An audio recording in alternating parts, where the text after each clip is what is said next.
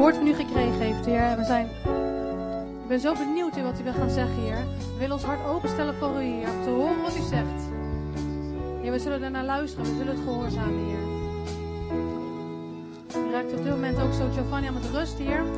Met, met vrijmoedigheid, dat u vrij zal spreken wat u in, hem hart, in zijn hart legt, Heer. Dank u wel. U heeft een boodschap gegeven, Heer. En u gaat het spreken door hem heen. We zullen naar u luisteren, Heer. In Jezus' naam.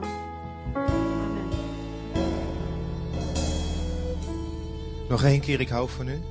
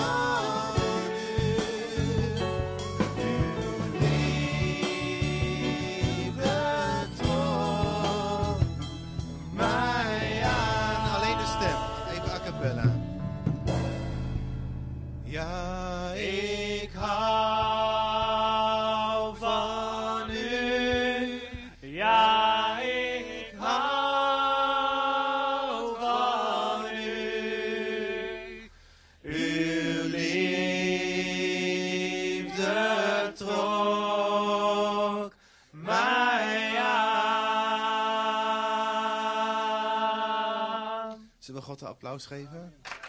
Halleluja.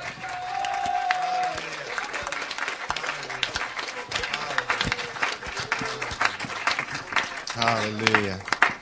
Dank jullie.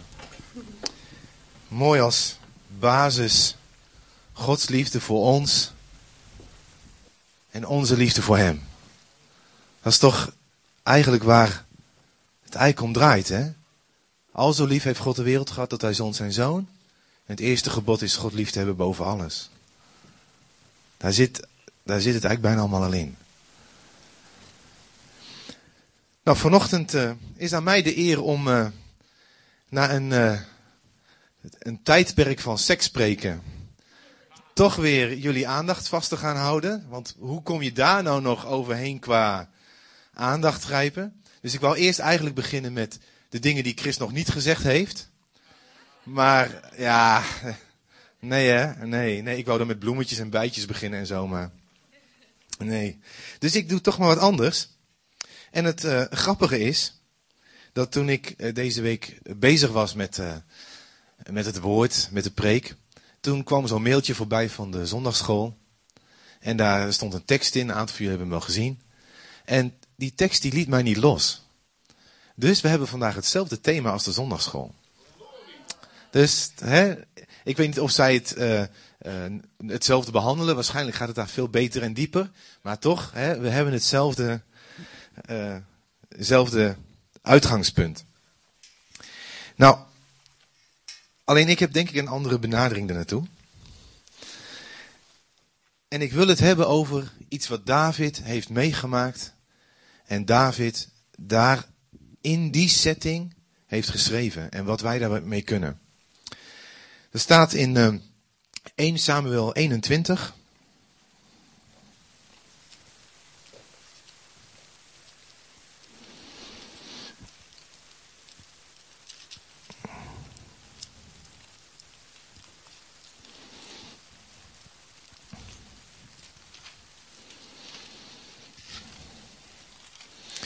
Ja, ik ben er ook bijna.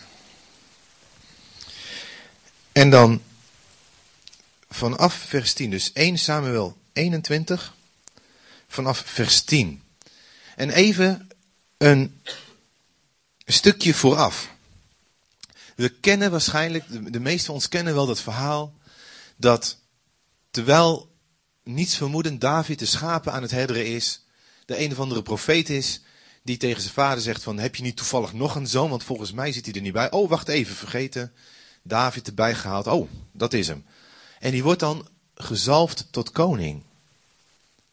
Dus eigenlijk wordt er al gezegd, dit wordt jouw carrièrepad. En hij gaat gewoon weer terug herderen. En na een tijdje gaat hij even de, de lunchpakketje voor zijn broertjes brengen als die in de oorlog zitten. Is daar een reus, heeft een grote mond. En die wordt neergehaald door de artillerie, door David. En na een tijdje, en toch gaat hij weer terug. En weer gaat hij dienen bij de koning. Hij speelt harp, krijgt nog een speer naar zijn hoofd. Het, het is eigenlijk een heel bizar verhaal, hè? En dan wordt hij een legeraanvoerder. En dan wordt er over David gezegd dat hij zijn tienduizenden verslaat. En het gaat weer eens mis. David moet weer vluchten voor Saul. Niet de eerste keer, niet de eerste keer dat Saul naar het leven staat. En weer moet David vluchten. Volgens mij word je daar niet gelukkig van. Dit is, wij, wij kennen het eind van het verhaal, dus wij weten dat het een goede afloop heeft. Maar David zit hier gewoon helemaal middenin. En dan komt hij in een plaats, en hoe verzin je het? Die heet Gat. Ja, waar woon jij? Nou, nogal in een gat. Dat, hè, dat is ook niet, uh, wordt ook niet leuker op. Ja, we hebben het in Nederland ook, hè? Hebben we ook een plaats die zo heet. Lochem. Log is Duits voor gat. Sorry voor de mensen die in Lochem wonen. Oh, heb je zelfs in Zeeland een boerengat. Dat is helemaal erg. Een overtreffende trap.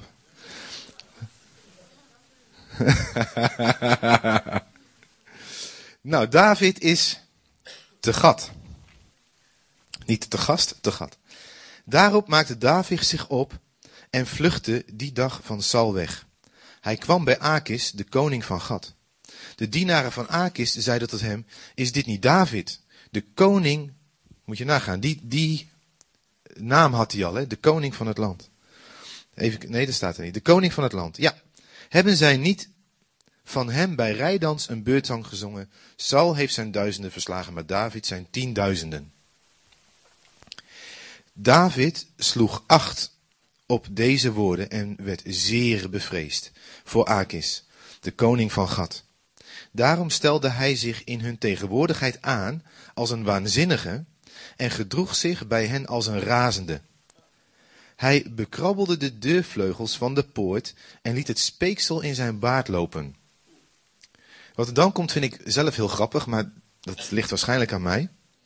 Toen zeide Akis tot zijn dienaren, zie, gij merkt toch dat de man krankzinnig is. Waarom brengt gij hem bij hem? Heb ik gebrek aan krankzinnigen? dat gij mij deze gebracht hebt om bij mij uit te razen. Moet zo iemand in mijn huis komen? Niet echt een compliment voor zijn volk. Ja. Maar wat er dus gebeurt, is David, die legers geleid heeft, die overwinningen geleid heeft, die staat daar te kwijlen over zijn baard om maar niet gepakt te worden. Die stelt zich aan als een krankzinnige om in veiligheid te blijven. Na alles wat hij al mee heeft gemaakt. Dit is niet tof. Vlak daarvoor had hij geen eten en heeft hij het brood uit de tempel mee moeten nemen om te eten te hebben. En het zwaard wat hij heeft is niet van hemzelf, maar kwam uit het museum. Dat was het zwaard van Goliath. Dat stond daar als sprongstuk in een museumsetting eigenlijk. En dat heeft hij maar meegenomen, want hij had niks meer. David zat aan de grond. Toch? Dit is niet het vijfstappenplan tot hoe word ik koning. Dit is pittig, dit is zwaar, dit is beangstigend en je schaamt je rot. Je staat hier beschaamd. En dan staat er, en dat vind ik best wel heel bijzonder, staat er een stuk in Psalmen, en dat mogen we ook even opzoeken, Psalm 34. En zeker als je deze setting in gedachten hebt, hè, van een man die aan de grond zit en zich als een krankzinnige moet gedragen om in ieder geval voor hoe hij het beleeft in leven te blijven. Met geleend brood en een museumzwaard. Ja, hoe breng je brood terug? Ja.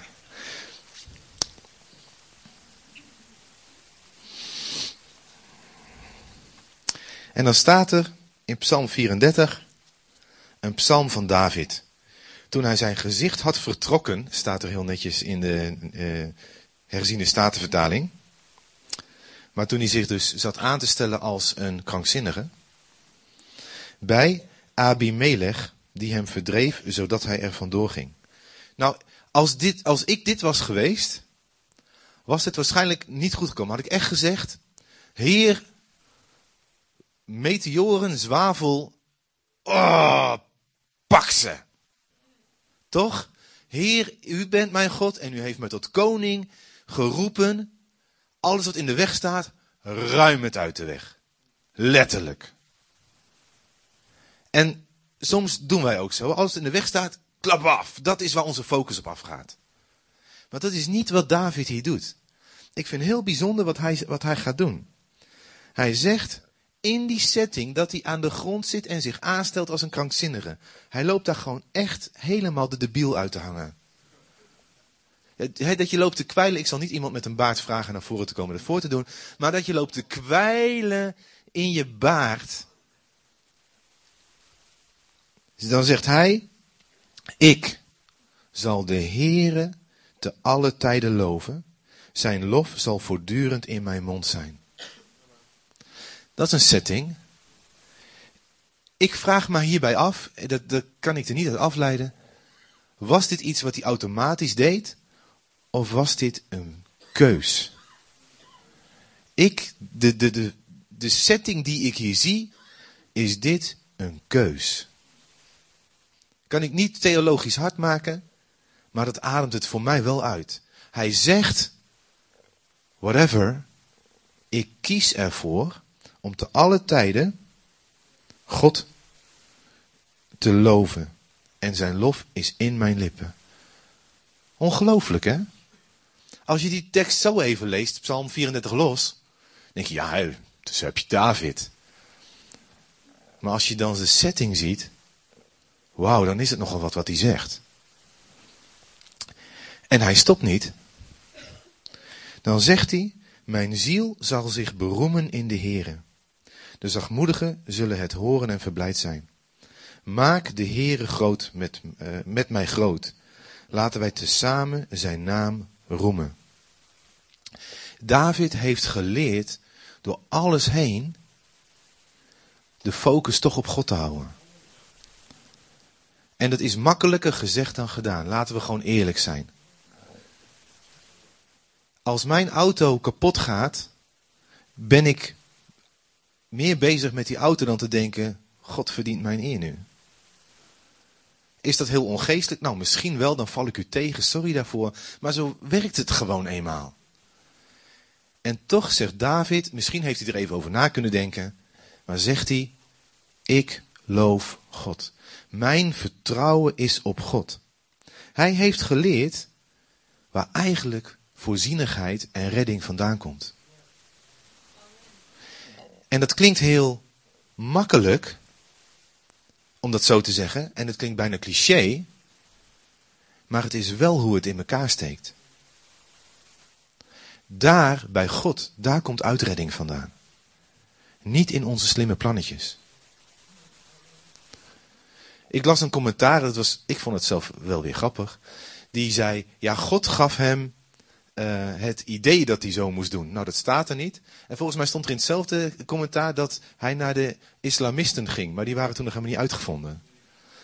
Dus dat heb ik maar niet altijd serieus genomen. Nou, en dan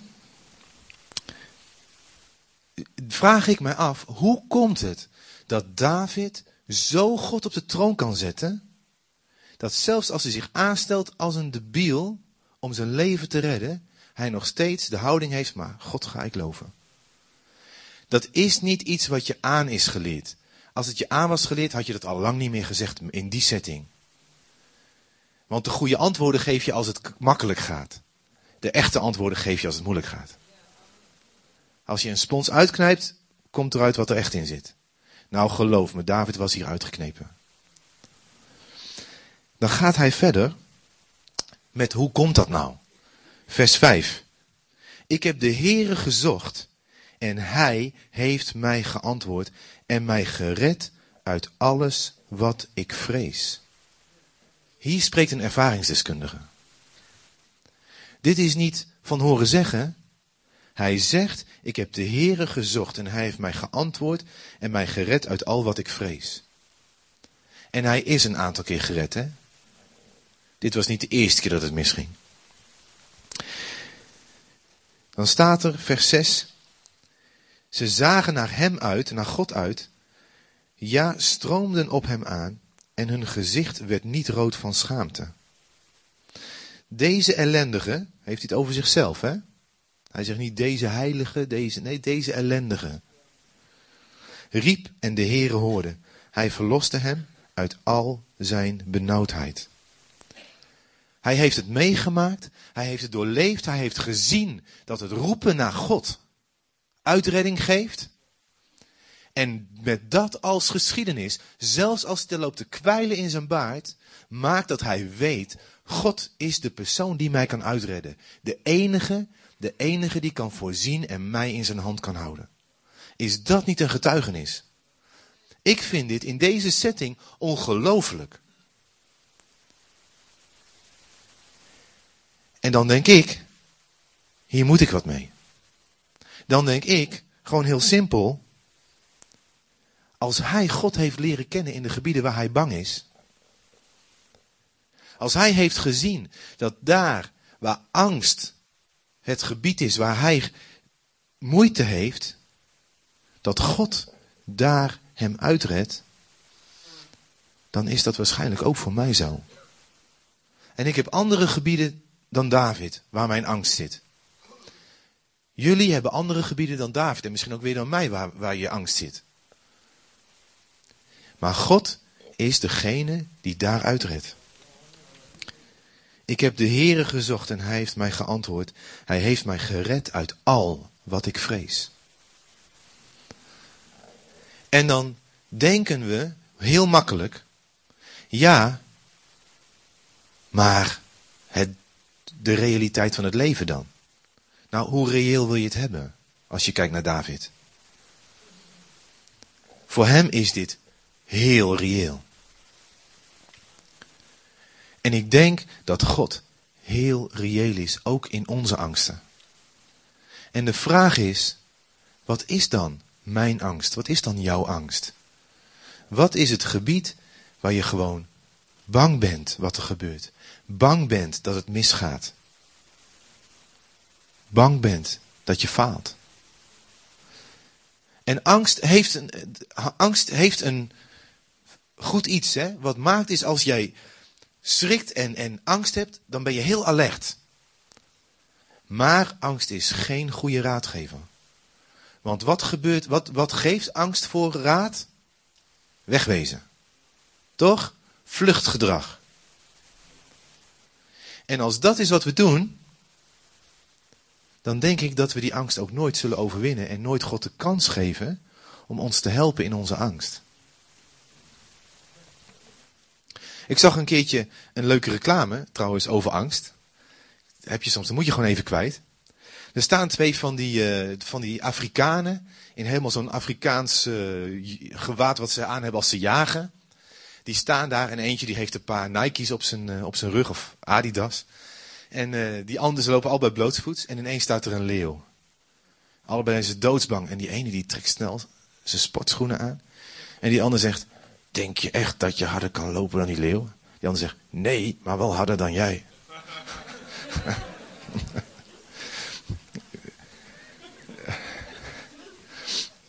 maar goed, ze vluchten dus wel. Angst is geen goede raadgever. Als angst hetgene is wat bepaalt of zwaar beïnvloedt de keuzes die je maakt, zul je keuzes maken die kiezen voor het veilige of voor het roekeloze. Maar niet voor het evenwichtige. En de vraag is, durven wij God toe te laten in onze angst? God toelaten in onze vreugde is veel makkelijker dan hem toelaten in onze angst. Want als we hem in onze angst toelaten, dan laten we hem binnen in iets wat heel onveilig is voor ons. En soms is het zelfs veiliger je angst vast te houden dan je angst aan God te geven. Want je voelt je heel onzeker. Het is veiliger de angst te kennen dan God erin toe te laten voor je gevoel. Maar het is goed om God erin toe te laten. Wat zijn de dingen die ons angst aanjagen?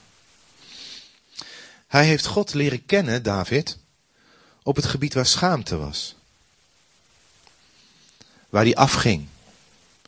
In het echt of voor zijn gevoel. Doet er eigenlijk niet eens zo heel veel toe. Daar, dan, zegt hij, zij zagen naar hem uit, ja stoomden, stroomden op, op hem aan en hun gezicht werd niet rood van schaamte. De schaamte was daar weg.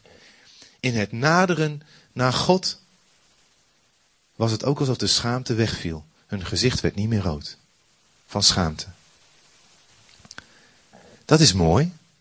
Ik weet niet hoe u dat hebt. Ik heb soms nog wel eens van die flashbacks dat ik denk, oh, sukkel. Heb ik het over mezelf, hè? Ja, ja, nee, voordat ik... Uh,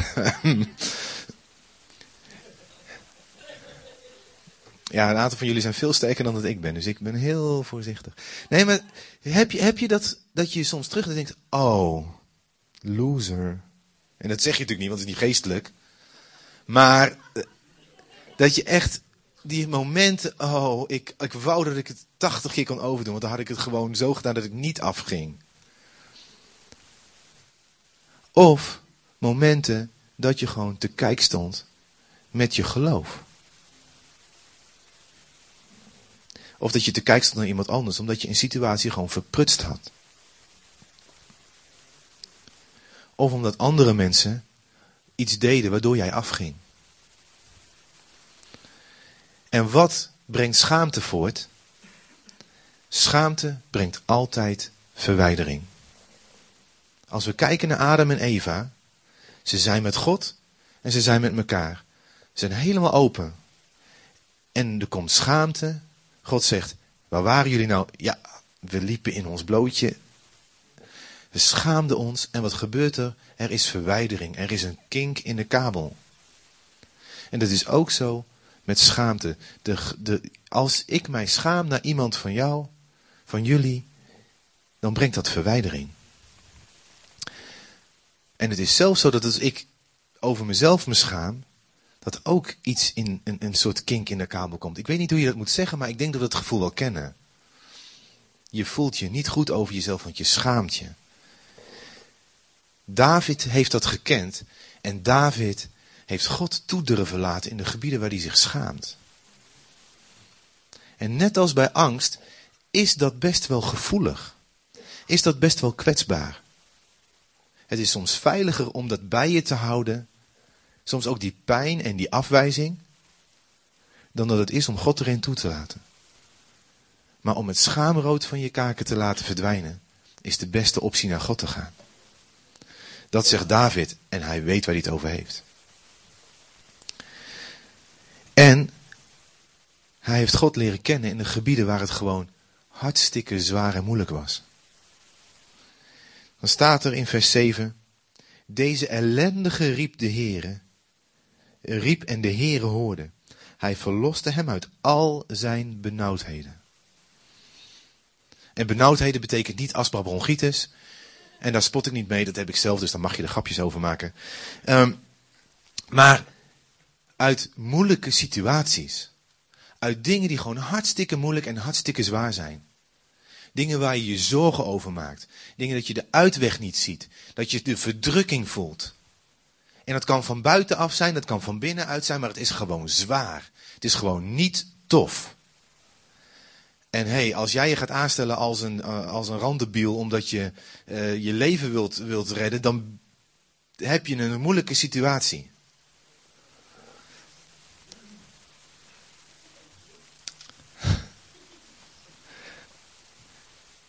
En David had gemerkt, ook al zijn dingen zwaar, ook al zijn dingen lijken onoverkomelijk, maar al mijn benauwdheden heeft God mij uitgered. Al mijn benauwdheden.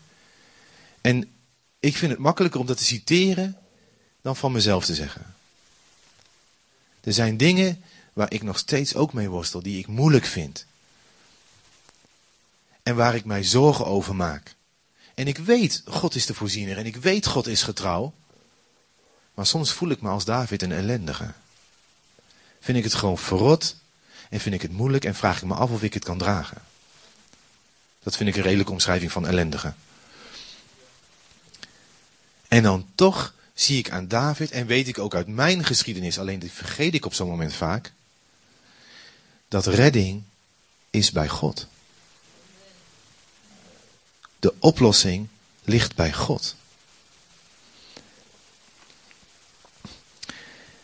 En in al die dingen zegt dan David in vers 8, nog steeds in die hele setting hè, van afwijzing, van dat hij veroordeeld was. Hij stond op de hitlist van koning Saul.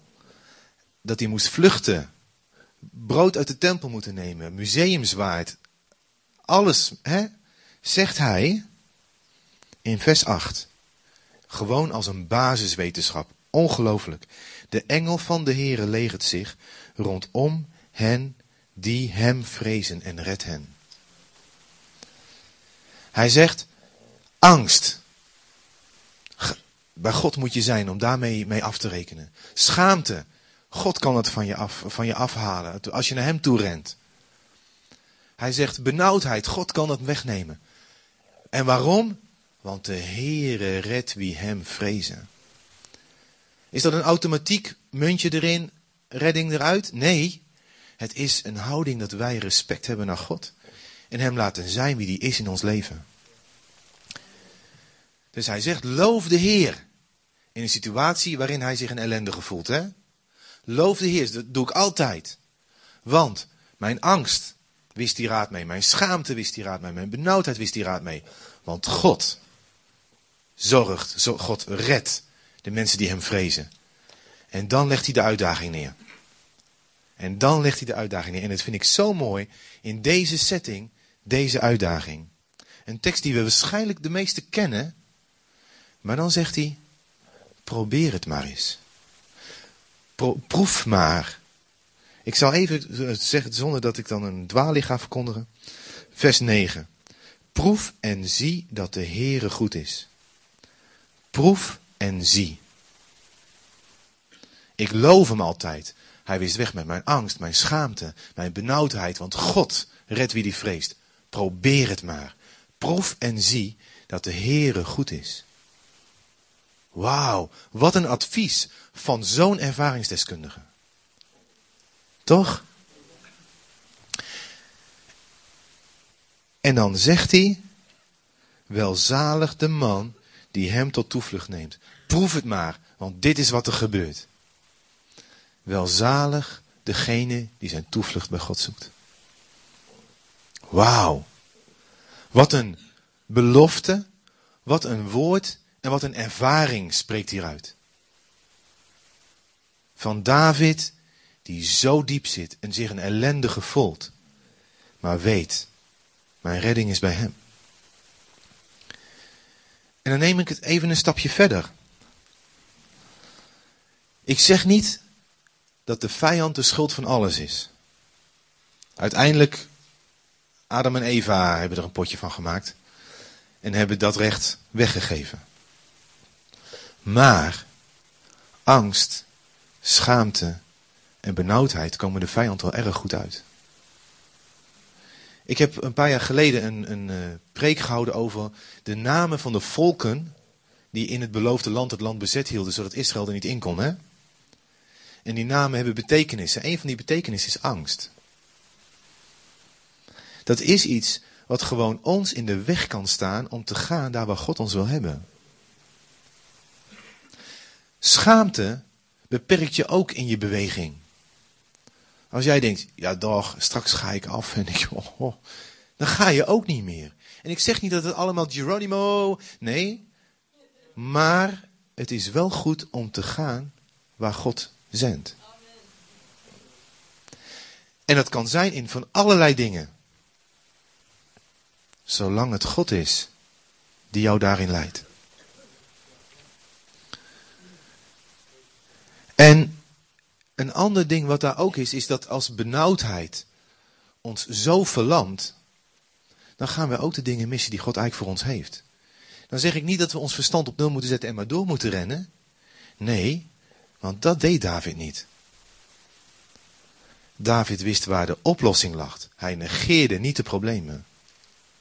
En dat is een groot verschil. En dan zegt David dus, en ik hoop wij vanochtend met hem, Heer, ik wil u zien. Ik wil proeven en zien dat u goed bent. Heer, dit is mijn angst. Heer, dit is mijn schaamte. Heer, dit is mijn benauwdheid. Wilt u erin komen? Want ik wil net als David weer of al voor het eerst meemaken dat welzalig de man is die zijn vertrouwen op God stelt.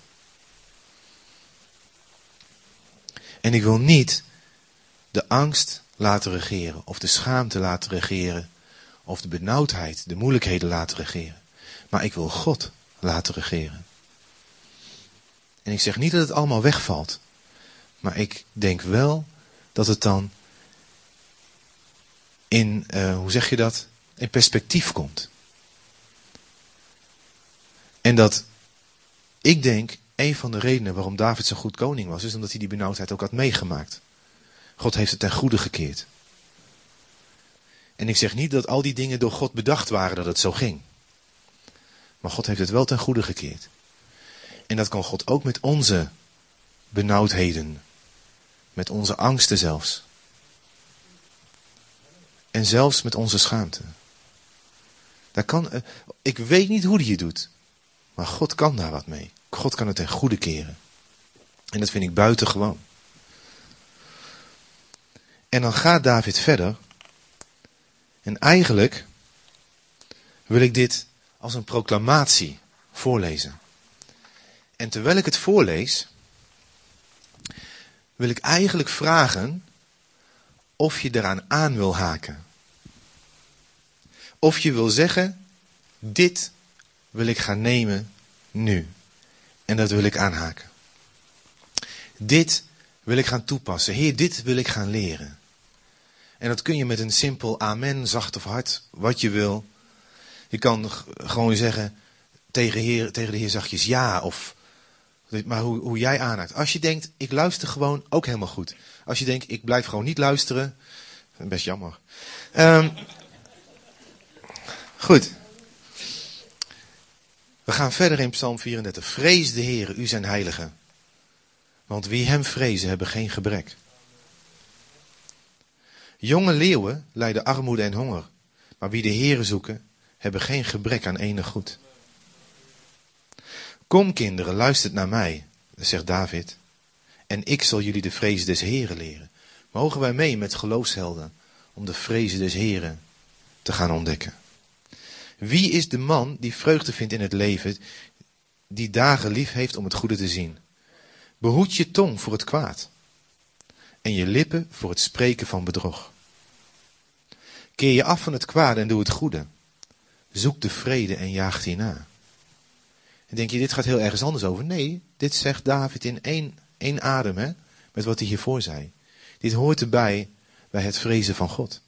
Dit hoort erbij met zijn voorzienigheid toe te laten. Dit hoort erbij om zijn uitredding mee te maken. Gewoon zo eigenlijk het karakter van God gaan leven. De ogen van de Heer rusten op de rechtvaardigen. Zijn oren zijn gericht op hun hulpgeroep. Het aangezicht van de Heere is tegen hen die kwaad doen. Hij zal hun nagedachtenis van de aarde uitroeien. Zij roepen en de Heere hoort. Hij redt hen uit al hun benauwdheden. De Heere is nabij de gebrokenen van hart. Hij verlost de verbrijzelde van geest. De rechtvaardige heeft veel ellende. Ik hoor geen amen, wat jammer. Maar uit alles redt de Heere hem. Het is niet zo dat de rechtvaardige niks overkomt. Maar God is erbij en redt ons uit. Dat is de belofte.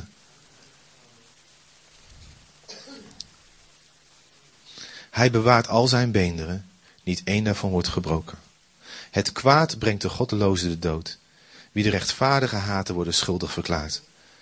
Maar de Heere verlost de ziel van zijn dienaren. Allen die tot hem toevlucht nemen worden niet schuldig verklaard. Wat een proclamatie, vind je niet? Wat een mooi iets, wat een krachtig iets om aan aan te haken. De Heere, wat, wat staat, even kijken waar die hier staat. Verlost de ziel van zijn dienaren. Allen die tot hem toevlucht nemen worden niet schuldig verklaard. Profetisch, hè? Dat daar eigenlijk ook al wat in het offer van Jezus gebeurt. Als wij zijn, naar hem toe gaan, wij niet schuldig meer worden verklaard.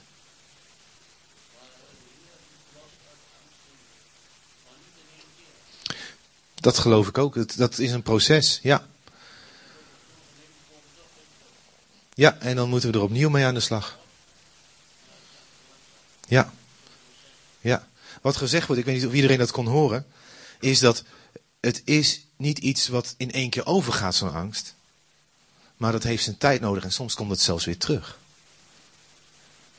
En dat kan. God zegt ook niet, het is voorbij, maar wel, ik ga je verlossen. En dat is waar we op mogen staan en waar we voor mogen gaan. En dat is eigenlijk waar vanochtend ik denk dat God ons tot uitnodigt. Ik denk echt dat God vanochtend zegt: Wil je mij de kans geven om te laten zien dat ik goed voor jou ben? Ik wil jou tegemoetkomen in jouw angst. En je weet zelf wel waar je angsten zitten. Daar hebben we geen profeet voor nodig. Je weet zelf wel waar je schaamte zit, daar hebben we geen profeet voor nodig.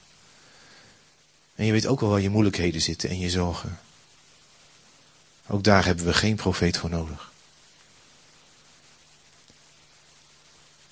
Maar we hebben wel God nodig. Om daar uit te gaan wandelen en het ten goede te gaan laten keren. En mijn vraag is vanochtend. Wat mag, waarin mag God zich vanochtend goed betonen naar jou? En in de komende tijd. Want ik zeg niet dat het vanochtend allemaal gebeurt. Ik zeg dat het vanochtend een stap is in een proces wat verder gaat. Waarin mag God zichzelf gaan bewijzen naar jou? In welke angst? Welke angst durf jij aan hem over te geven? Welke schaamte durf jij bij hem neer te leggen? Welke moeilijkheden durf jij hem in te gaan vertrouwen? Zullen we bidden?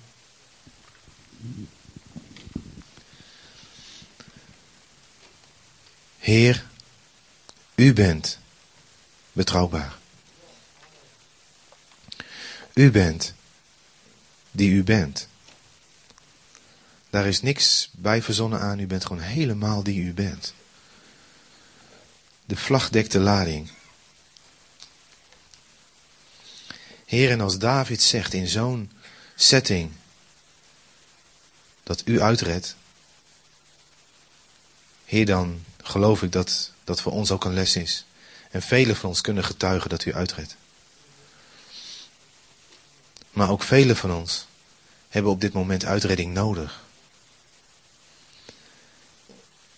Heer, als er dingen zijn waar we ons voor schamen,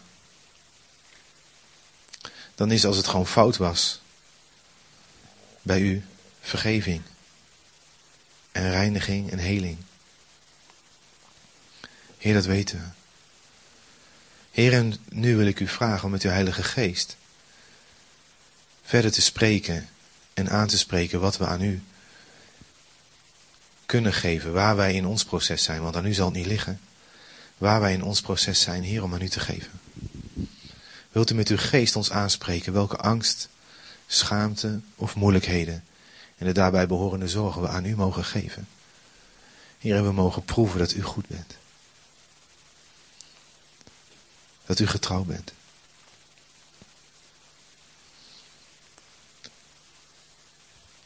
Jezus. En op dit moment leg maar gewoon voor Gods troon. Datgene wat, wat jij aan moet denken als je denkt aan angst of schaamte of moeilijkheden. En God zal daar als een gentleman mee omgaan. Hij zal niet jouw gevoelens kwetsen. Jezus. Jezus.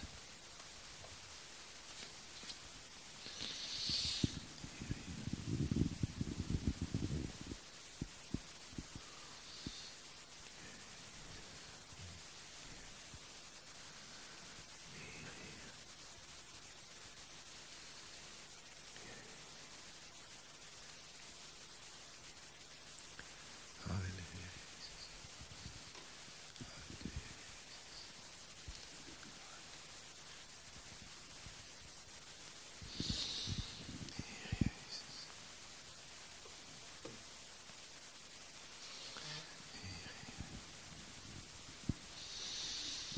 Heer,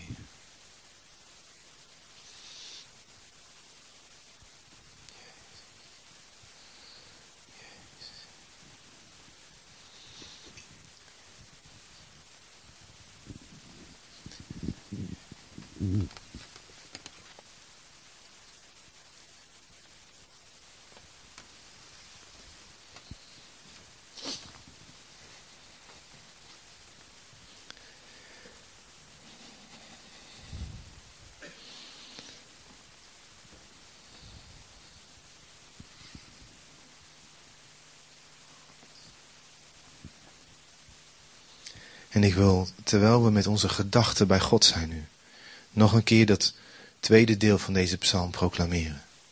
Ik wil eigenlijk de hele psalm gewoon lezen. Terwijl we bij onze gedachten bij God zijn.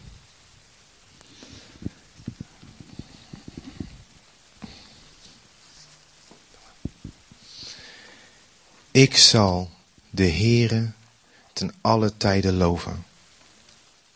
Zijn lof zal voortdurend in mijn mond zijn. Mijn ziel zal zich beroemen in de Heere. En de zachtmoedigen zullen, bij het, zullen het horen en verblijd zijn. Maak de Heere met mij groot. Laten we tezamen zijn naam roemen. Ik heb de Heer gezocht en hij heeft mij geantwoord. En mij gered uit al wat ik vrees. Ik zag naar hem uit, ja stro- stroomde op hem aan. En hun gezicht werd niet rood van schaamte. Deze ellendige riep de Heere en hoorde, eh, en de Heere hoorde. Hij verloste hem uit al zijn benauwdheden. Vrees de Heere. Oh nee, dan staat er proef en zie dat de Heere goed is. Welzalig de man die tot hem de toevlucht neemt. Proef en zie dat de Heere goed is. Welzalig de man en vrouw die tot hem de toevlucht neemt. Vrees de Heere, u zijn heilige. Want wie hem vrezen hebben geen gebrek. Jonge leeuwen lijden armoede en honger. Maar wie de Heer zoeken hebben geen gebrek aan enig goed. Kom kinderen, luistert naar mij. Ik zal jullie de vrezen des Heeren leren. Wie is de man die vreugde vindt in het leven?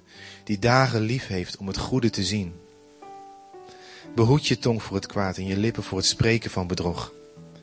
Keer je af van het kwaad en doe het goede. Zoek de vrede en jaag die na. De ogen van de Heere rusten op de rechtvaardigen. Zijn oren zijn gericht op hun hulpgeroep.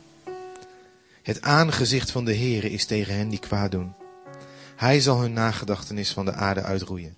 Zij roepen en de Heere hoort. Hij redt hen uit al hun benauwdheden. De Heere is nabij de gebrokenen van hart. Hij verlost de verbrijzelde van geest. De rechtvaardige heeft veel ellende, maar uit dat alles redt de Heere hem. Hij bewaart al zijn beenderen, niet één daarvan wordt gebroken. Het kwaad brengt de goddeloze de dood. Wie rechtvaardige haten worden schuldig verklaard. Maar de Heere verlost de ziel van zijn dienaren. Allen die tot hem de toevlucht nemen, worden niet schuldig verklaard. Heer, help ons om dat steeds meer ons eigen te maken. Heer, dat we niet schuldig worden verklaard. Niet in angst hoeven te leven of overheerst door schaamte of moeilijkheden en de zorgen daarvoor. Maar dat u verlost. Dat u bevrijdt, dat u uitredt. En dat de lof die we u mogen brengen steeds op onze lippen mag zijn. En niet dat we hoeven zingen, maar dat we het gewoon mogen zijn. Een reukwerk voor u, Heer, gewoon met ons leven. Jezus. En eh, ik heb eigenlijk ook sterk het gevoel, maar ik weet even niet hoe goed dat vorm te geven. Maar dat het goed is om tijd van gebed hiervoor te hebben. Om die dingen misschien samen met iemand voor Gods troon te leggen. Dus eigenlijk wil ik vragen dat als je gewoon gebed wil voor een van deze dingen, dingen waar je je zorgen over maakt, angsten die je hebt, schaamtes die je hebt, je hoeft het niet allemaal te zeggen. Dat je gewoon of naar voren komt of even naar iemand toe gaat die je vertrouwt. En dat doen we dan nu. Ja? Kom maar gewoon naar voren en dan gaan we samen Gods aangezicht zoeken. Daarin.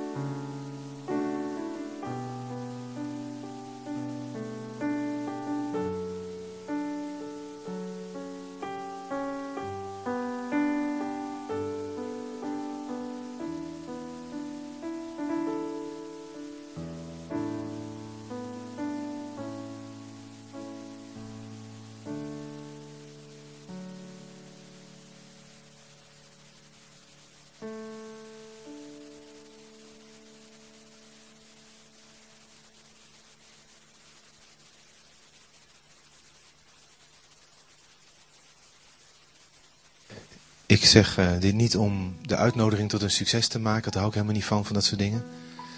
Maar ik heb wel sterk het gevoel, en daar hoeft er helemaal niet voor naar voren te komen. Maar dat God dit echt zegt deze zondag.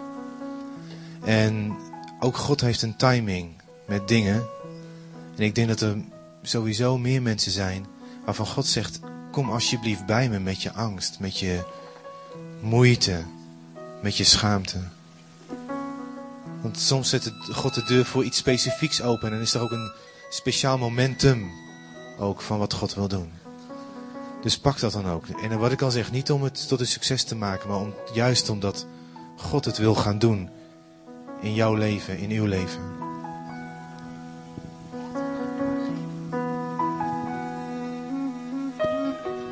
Dus voel je ook vrij om gewoon naar iemand te gaan die je vertrouwt en daar samen mee naar God te gaan.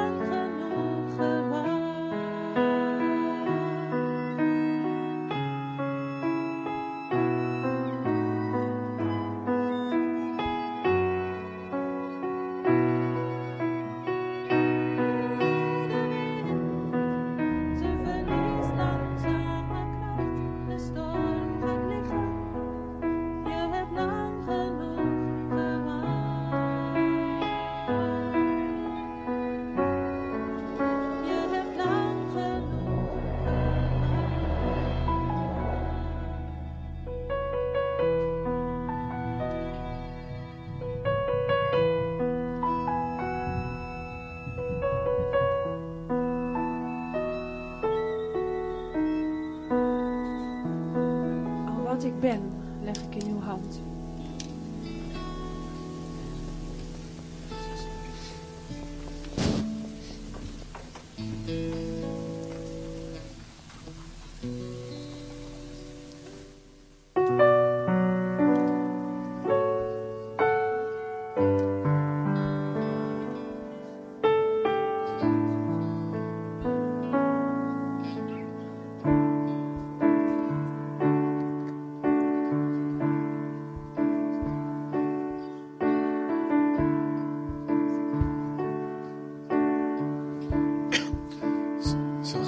Als je niet aan het bidden bent, ik wil vragen om je te gaan staan.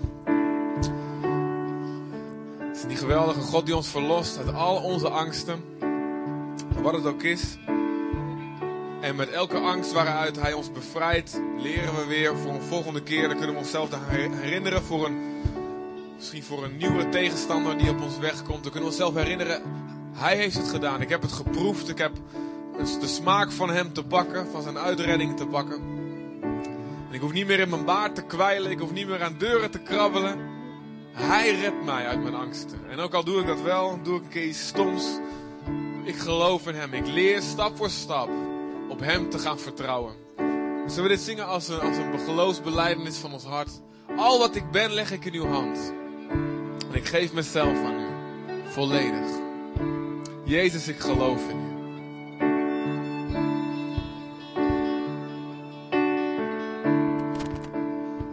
Al wat ik ben,